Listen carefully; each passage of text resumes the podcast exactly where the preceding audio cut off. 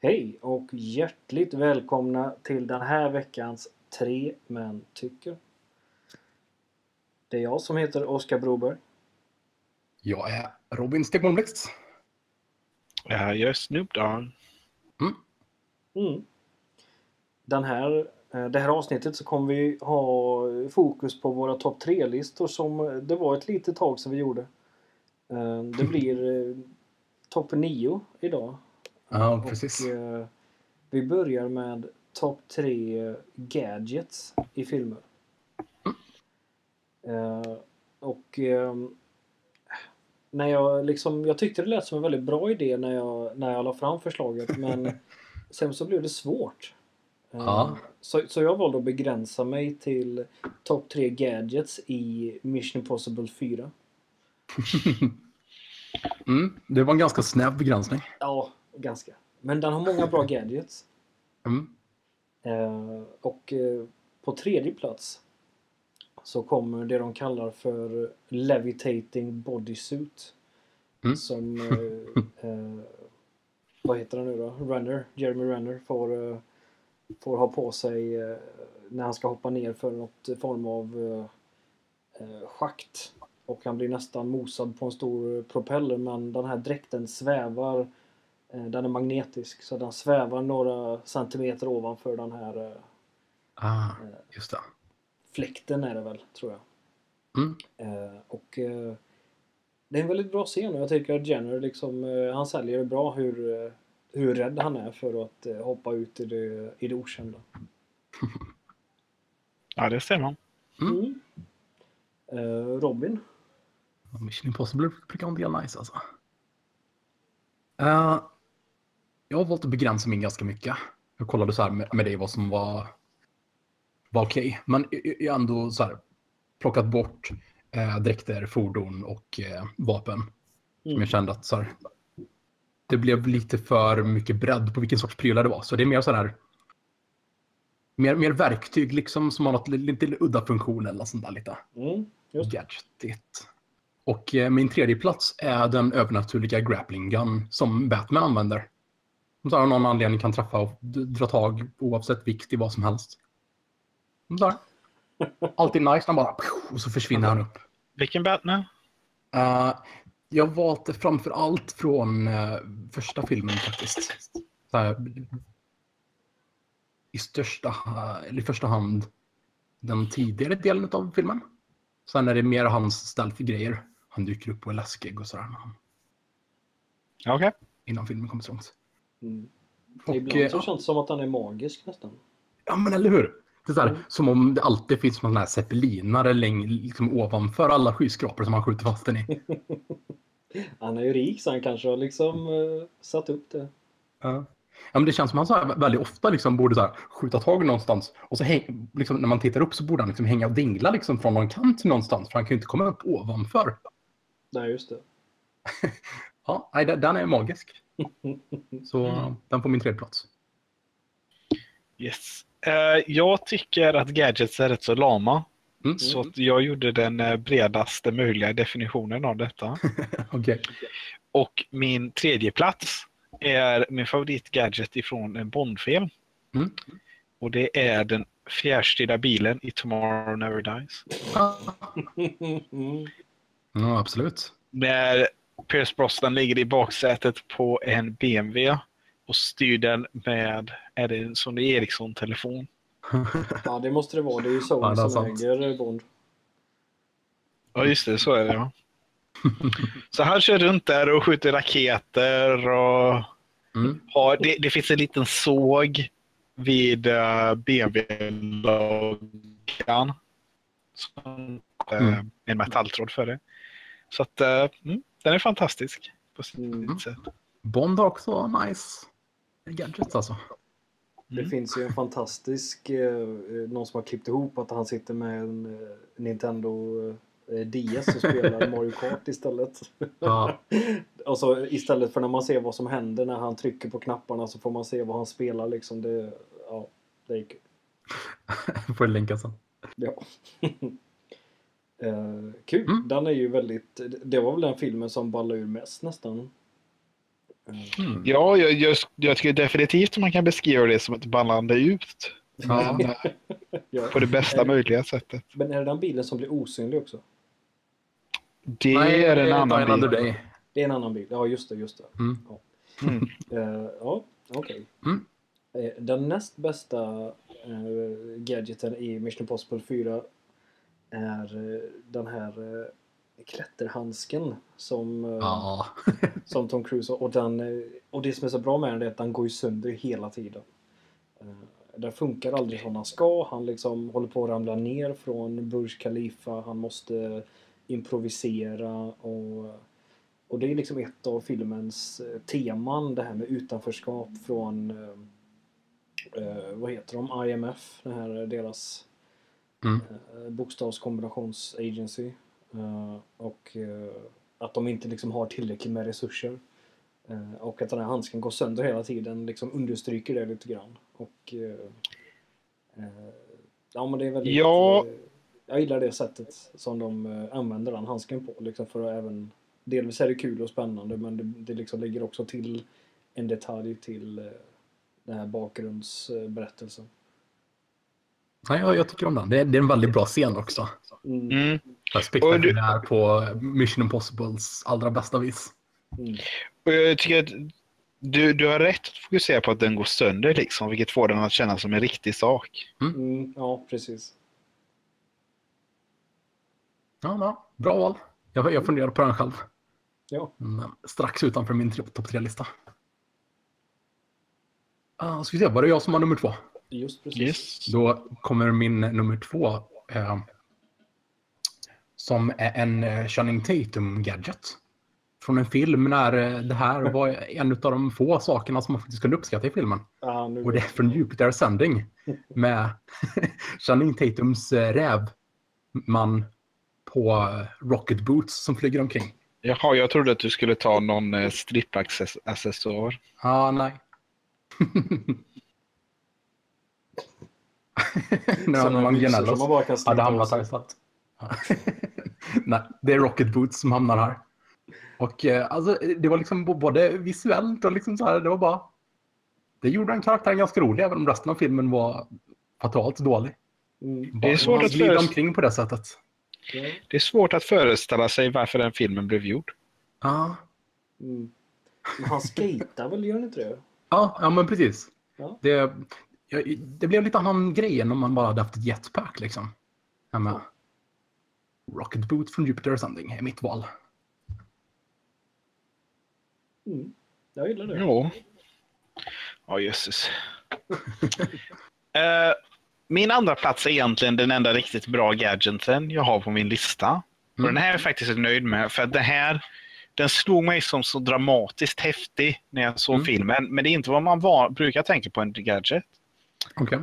Eh, men det är, det är brödet ifrån The Force Awakens. Ja. Mm. Minns Okej. du det Robin? Brödet. Hon I har, början där. ja precis, hon har ju ett pulver som hon, nej hon har det som Ah, ja, just det. Just hon det. häller vatten på så blir det bröd. Så För det- Ja. Vilket är fantastiskt världsbyggande för det känns verkligen som en riktig sak som riktiga personer skulle använda. Mm. Eh, Jag, jag gillar valet. Och, eh, så jag, och jag tycker att den kvalificeras som en gadget. Mm. Alltså, Ja, det jag, jag gillar eh, saken, men gadget är kanske lite att ta i. Man, eh, Jag tycker att det var intressantare än några gadgets jag kunde komma på. ja, men eh, vi, vi får väl acceptera det ändå, tror jag. Bara just Jag, att, jag gillar också att de, de gjorde ju det som en praktisk effekt tydligen. Eh, Mm. ju, eh, Ja, precis. Jag tror, men det var det som de hade någon tvättsvamp som de filmade i reverse. mm, Tror jag att det var. ja, okej. okej. nice. Jag, jag, tror, att- jag tror att det som... De hade den i en skål och så sög de ner det eller någonting sånt. Ja, just det. Ja, nej men det är kul när de gör sånt. Mm. Mm. Eh, Mm. Ja, men, eh, Ja.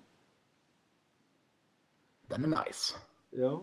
Eh, Och då den bästa gadgeten i Mission Impossible 4 eh, Go, Ghost Protocol heter den väl?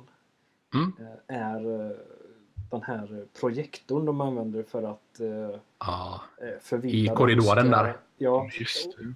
det är så, det är också så här fantastiskt för att eh, de använder den, framförallt så blir det är väldigt kul liksom.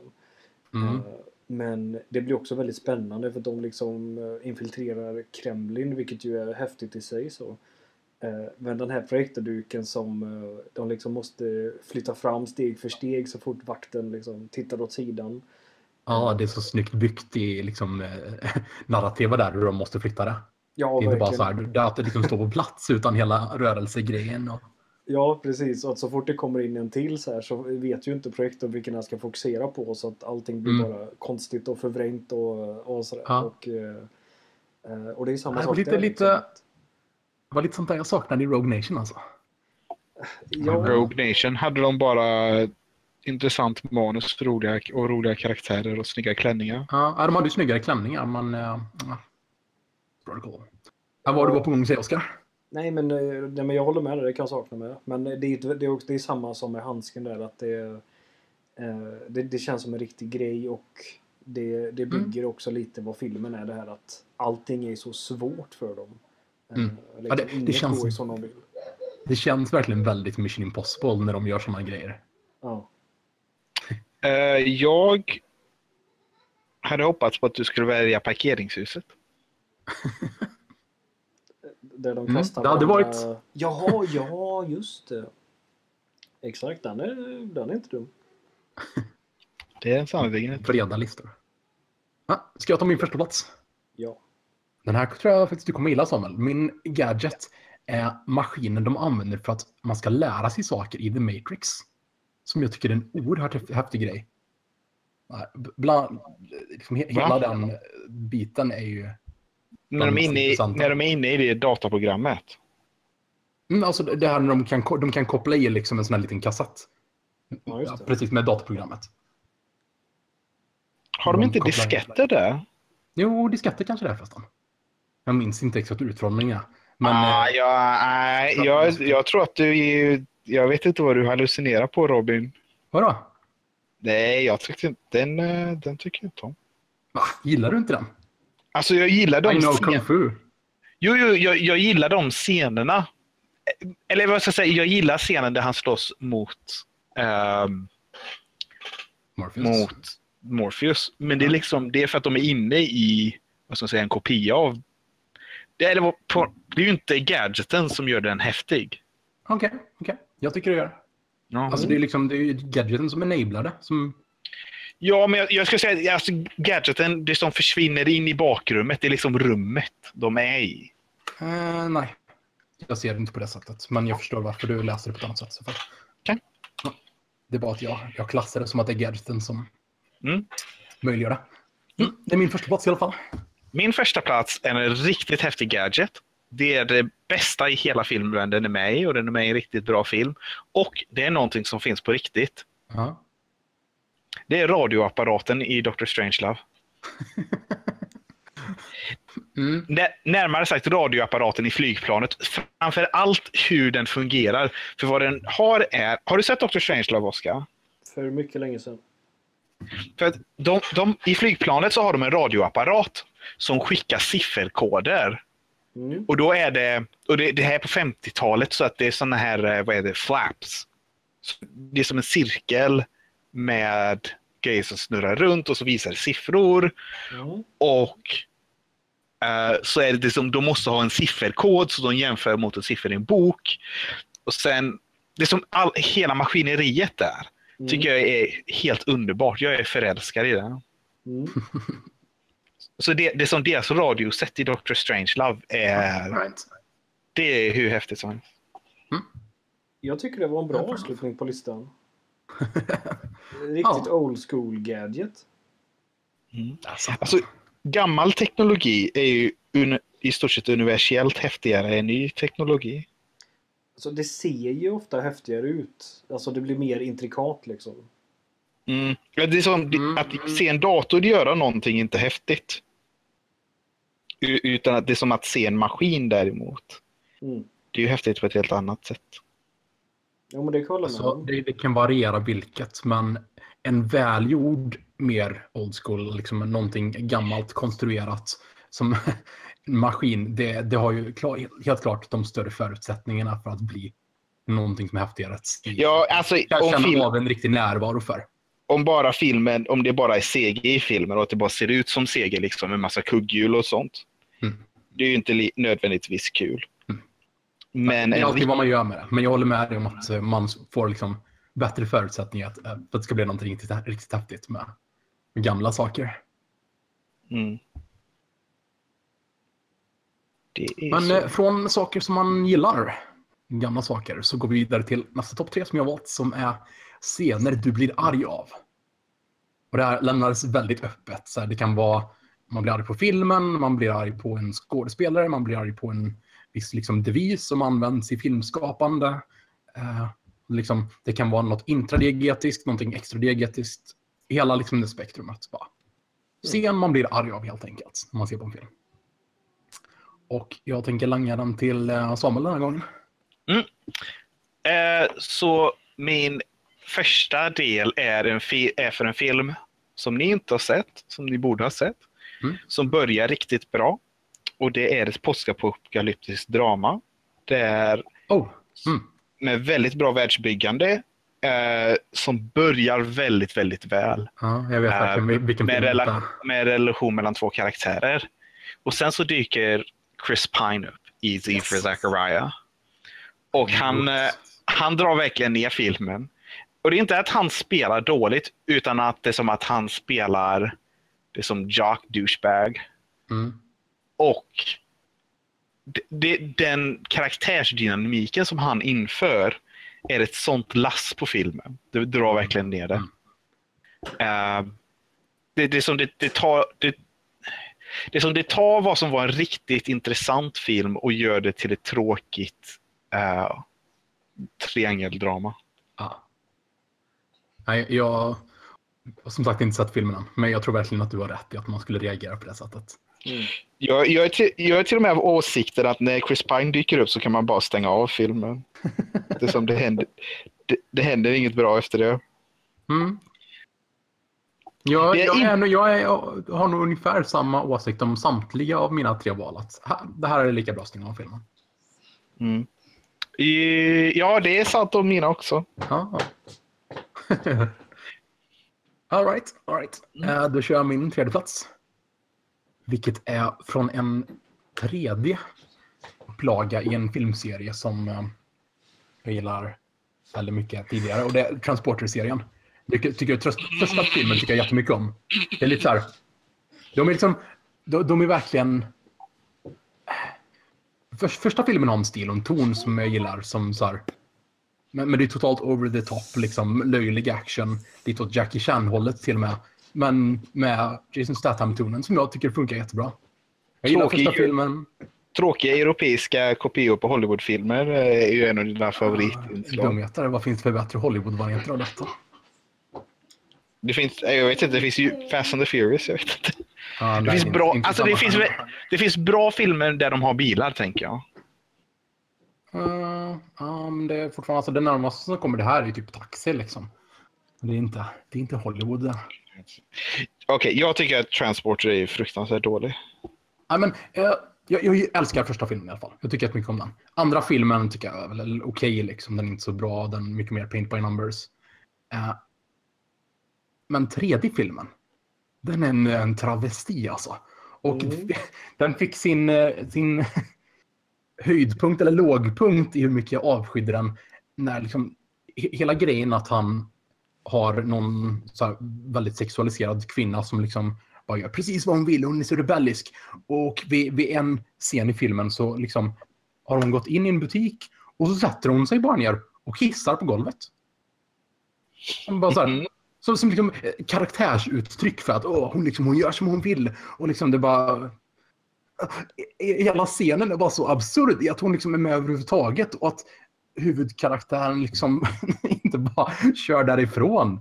För det, nej, det, Ja, var, ja. det, det, det kändes som det, blev en, en bildlig... eh, Men liksom, den uttryckte symboliskt det här att fi, filmen kissade på hela serien där. I och med Mm. denna scen. Och eh, där kan man stänga av filmen och eh, aldrig se någonting som kommer efter första filmen i serien igen. Men jag tänker så här att sättet man gör en sån scen bra är ju att man visar att det är någon i personalen som ställer upp där efteråt. Det som hade funkat är om de hade liksom moddat det här lite i efterhand och så att det är Donald Trump som kommer och stöder upp det efteråt. Du, Okej. The Golden Man. Är inte också eh, Transporter 3, alltså där hela premissen är ju jättemärklig. Eh, varför Jo. skulle hon åka bil? Mm. Nej, men, alla andra eh, fler. hela det är bara absurt. Det, det är verkligen bara Ja. så här. Man, man vill ha en viss karaktär som liksom... jag minns inget om den. Ja, men Jag jag har för mig att du, du pratade om att du såg tre först och sen såg du andra. Nej, jag såg tre först och, sen, och tyckte Ja. att den var fruktansvärd Mm. och glömde bort allt. Då lämnar jag över till dig för tre, tre Mm. poängar, Oskar. Ja, min tredje plats är eh, Gökboet. Mm. Eh, och eh, det finns många scener där som, eh, som man blir väldigt arg av.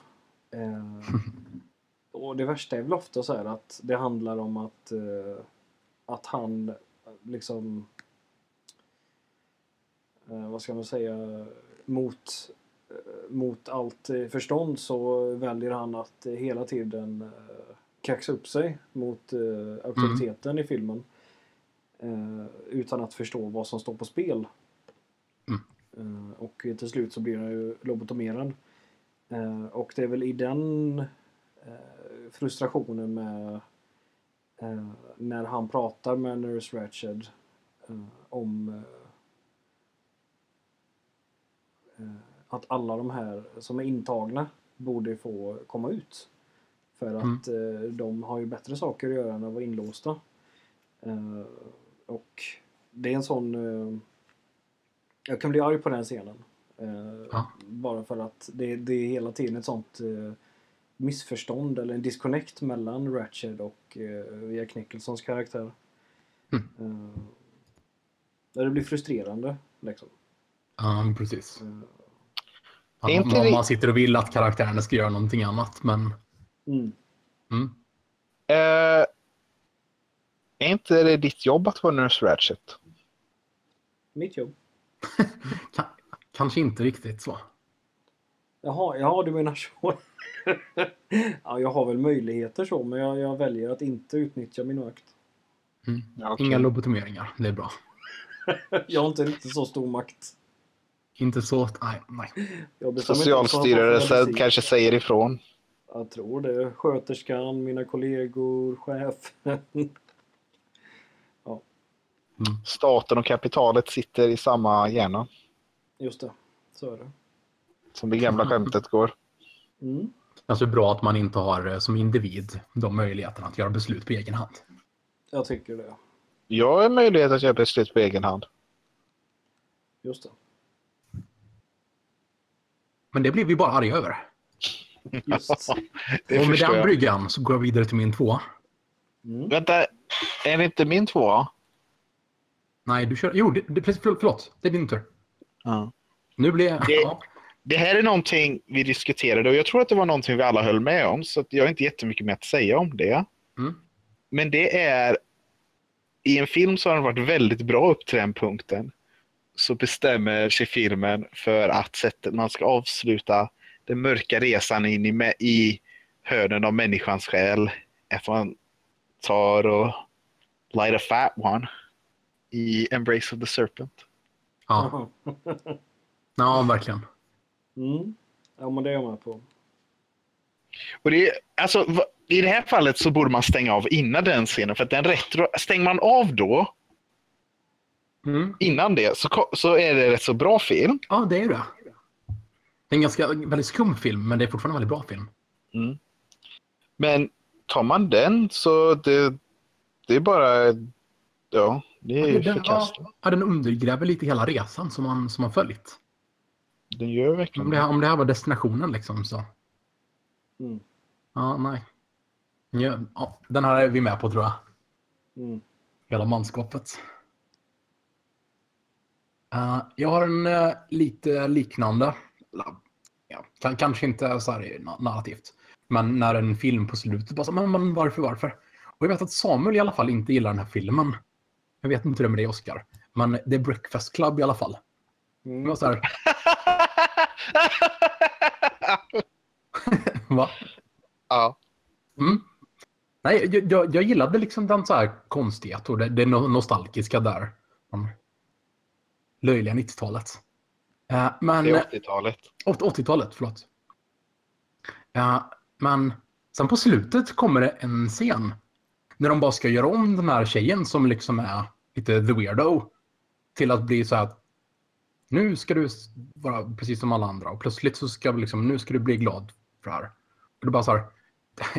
Det var ju den karaktären som jag tyckte om. Som de bara så här, nej, nu ska inte du vara dig själv längre. Utan nu ska vi fixa dig. Och det bara, ja, nej. Det, det lämnade mig med en dålig smak i munnen efter den filmen. Som jag annars tyckte rätt mycket om. Mm. Eh, eh, Hur det tycker du, ju- Oskar? påminner lite om Grease. Eh, där Ah, eh, mm. tjejen i slutet, hon har ju varit den här ja, men, stereotypa plugghästen. Mm. Men så blir hon så här rockabilly på slutet för att John Travolta ska tycka om henne. Liksom. Ja, jo men ja. Det är verkligen i samma, samma anda där. Ja. Bara, Ja. min eh, topp två. Mm.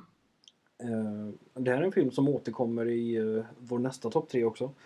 Ah. Och det är i eh, Sagan om ringen. Ah, Kon... Hmm, jag tror det är Konungens återkomst. Det kan vi nog där, konfirmera eller? där Faramir har blivit allvarligt skadad. Mm. Och hans far ska tända ett likbål. Mm. Eh, Men det visar sig att han, eh, Faramir lever. Han eh, behöver bara eh, han behöver bara hjälp. Mm. Från någon form av läkare. Men, men fadern han har på något sätt blivit besatt av att elda upp honom på det här bålet. Mm. Så han häller olja över honom samtidigt som är det Mary som försöker hindra honom. Det är Pippen. Mm, Pippin, Pippin just det, exakt, exakt. Mörja där nere och slåss med. Ja, och jag, jag gillar den scenen. Eh, men blir ju väldigt eh, också så här frustrerande. För att han Ja. lyssnar inte på, eh, eh, på logiken som de andra har. Utan han, eh, Mm. han har låst fast sig vid detta. Liksom. Ah, det verkar vara lite tema för din lista. Att det blir så, ah, nu man bara så här, karaktärerna, vad gör de, vad gör de? Det, det är det och det är min sista också. men Mm. eh, Ja. jag Jag, blir arg, arg på scenen. Men som tur är så slutar den ju åtminstone någorlunda lyckligt. Jag tror det, det som jag verkligen eh, gillar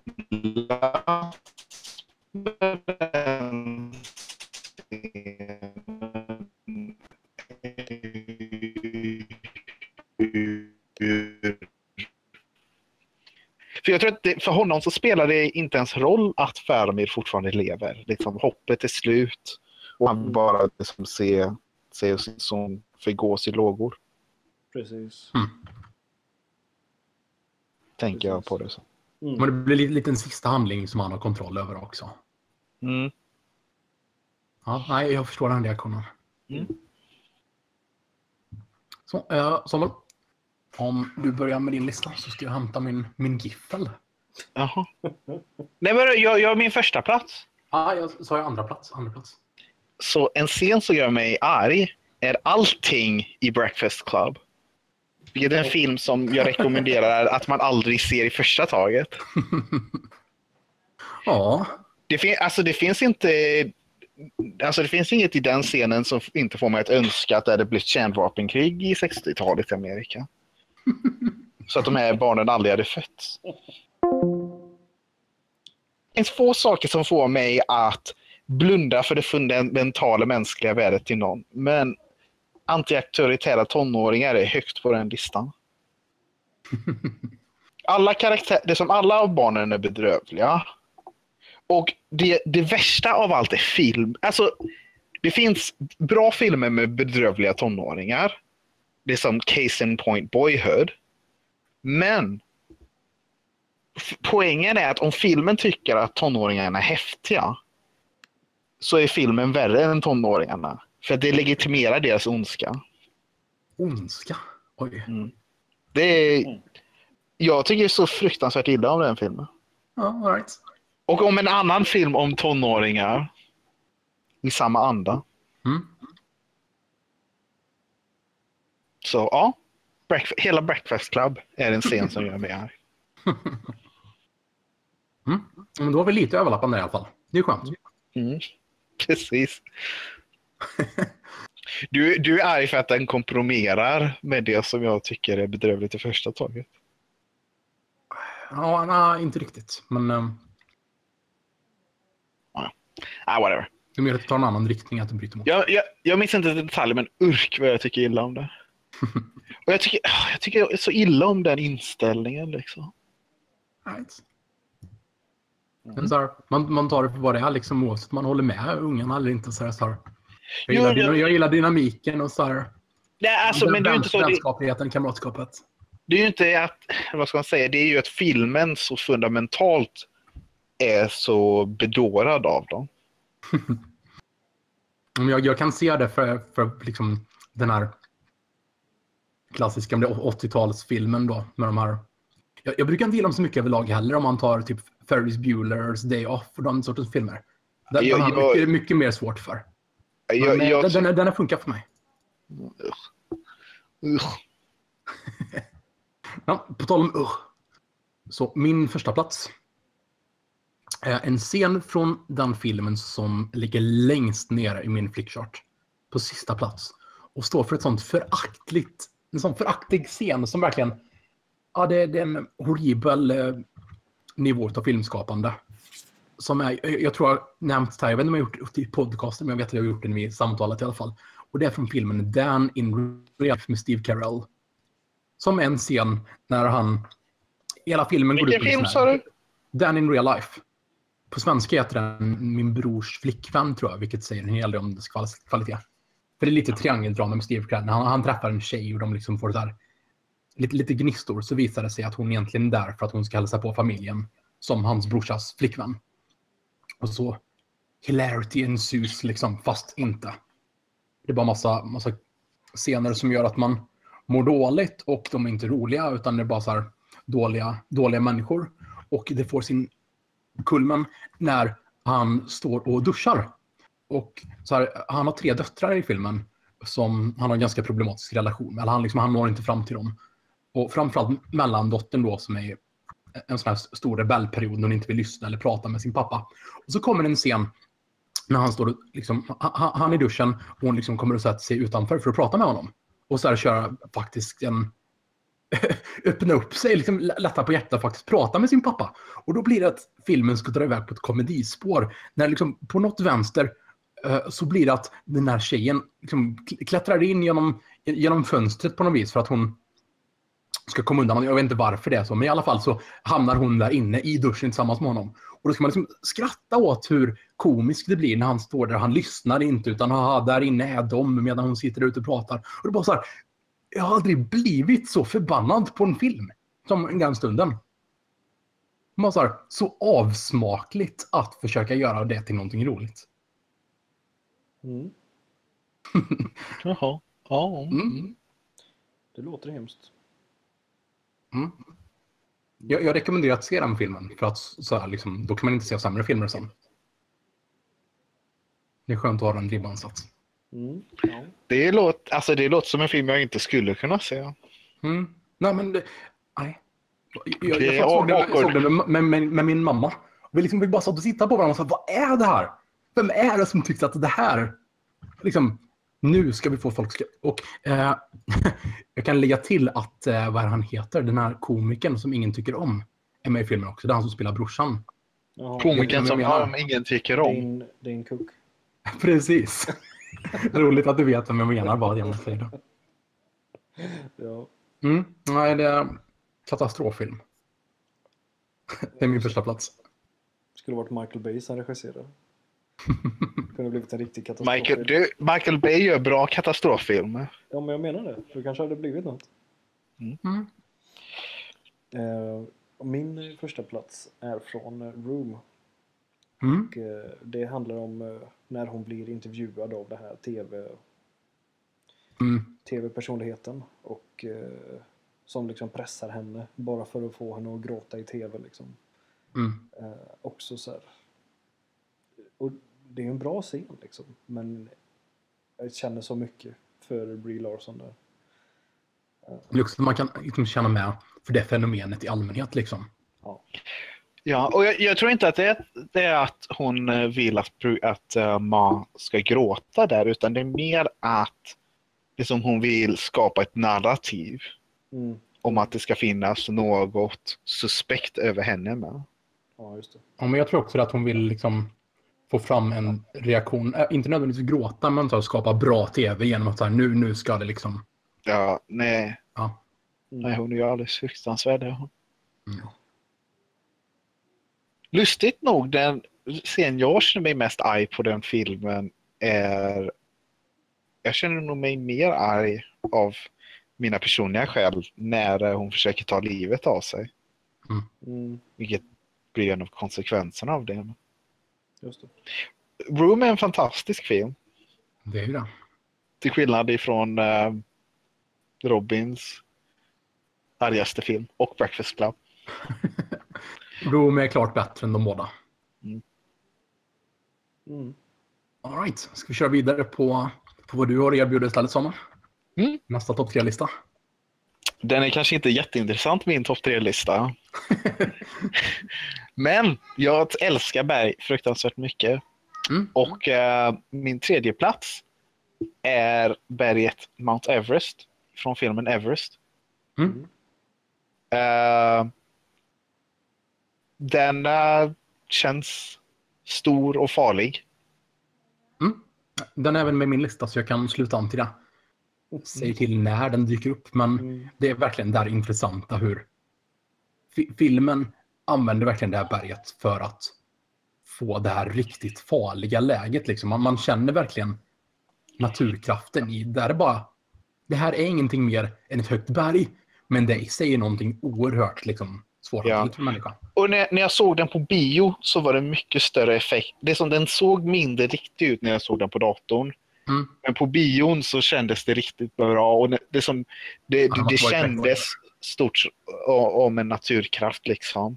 Mm. Ehm, och jag tror att det, det är ju liksom det som lyfter filmen bortom en, eller det, det, som, det är det som lyfter filmen bortom en det som kompetent, det som disaster-berättelse.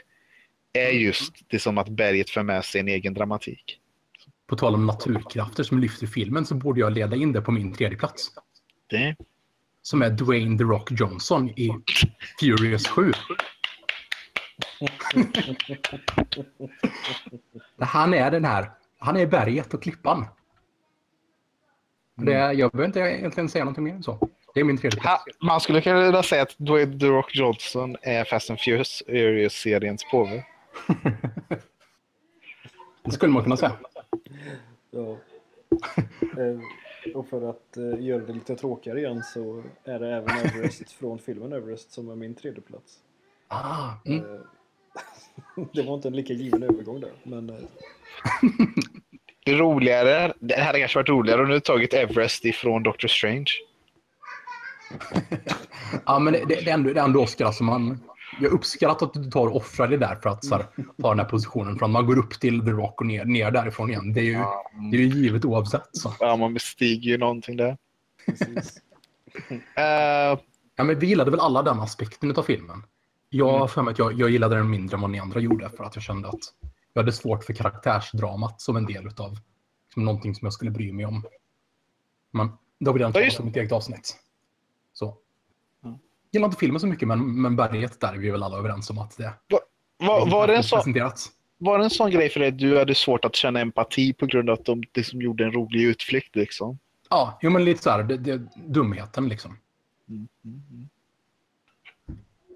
Yes. Eh, min andra plats är ett berg jag själv har varit uppe på. Eller egentligen det är ett fjäll.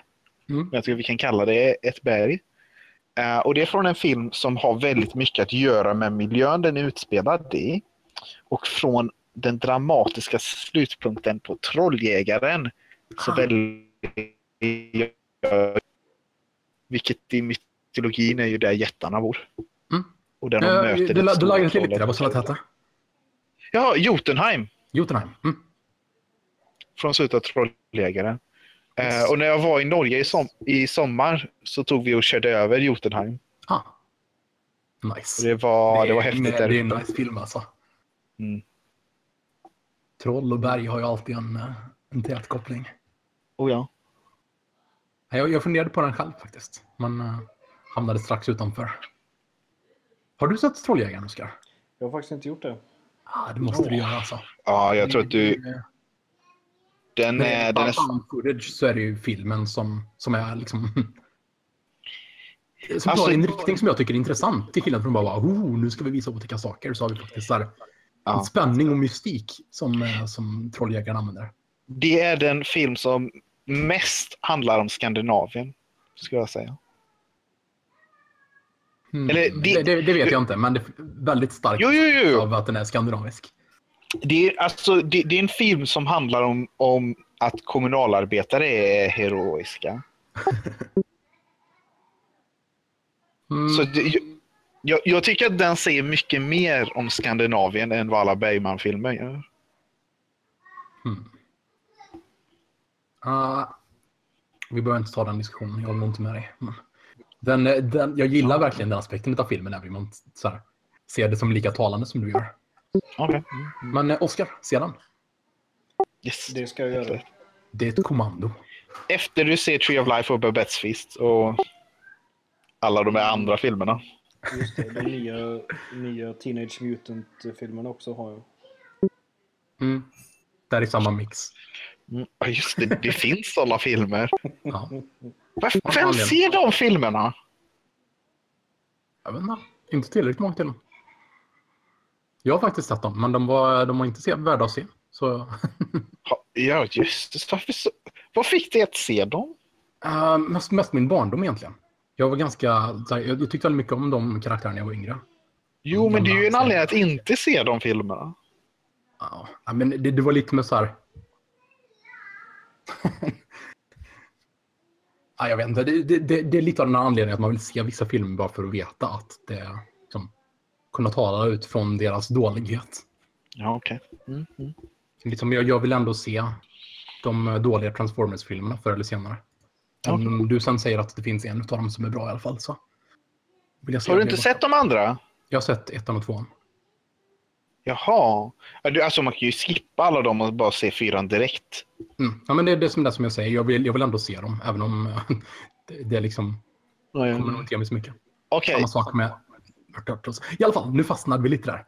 Eh, Ja, det- tvåa plats var ju också Everest. Så jag låter det finnas tomrum här som eh, The Rock kan få ta både två och tre plats. Okej. Oscar? Eh, ja.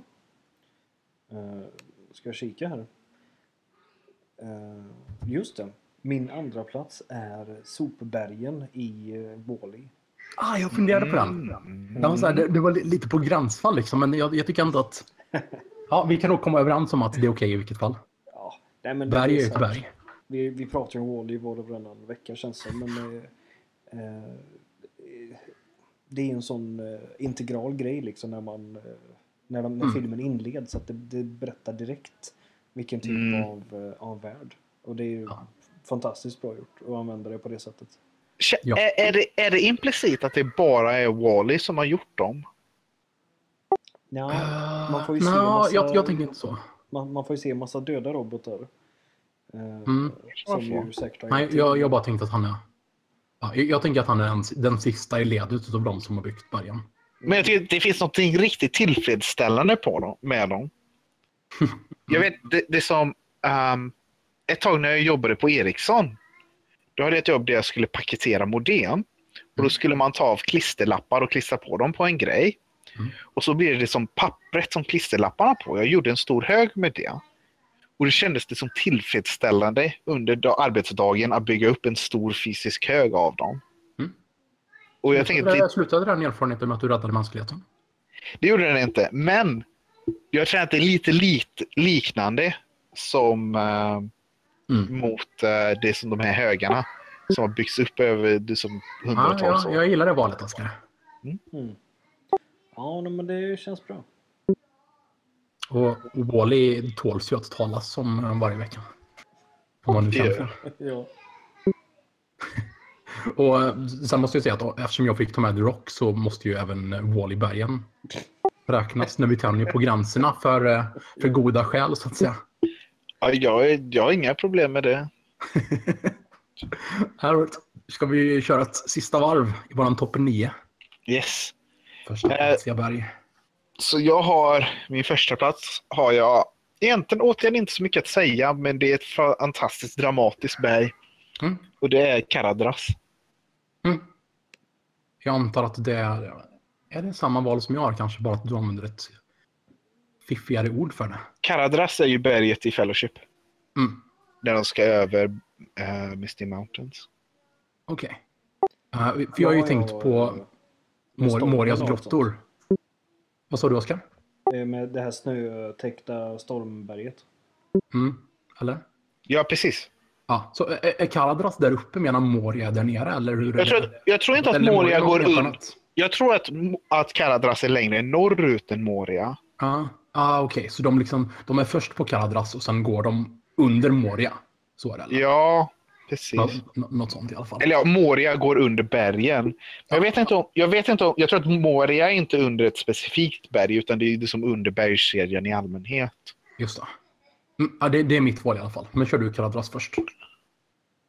Ja, ja egentligen, det är inte så mycket att säga. Det är bara det som Kadras låter häftigt.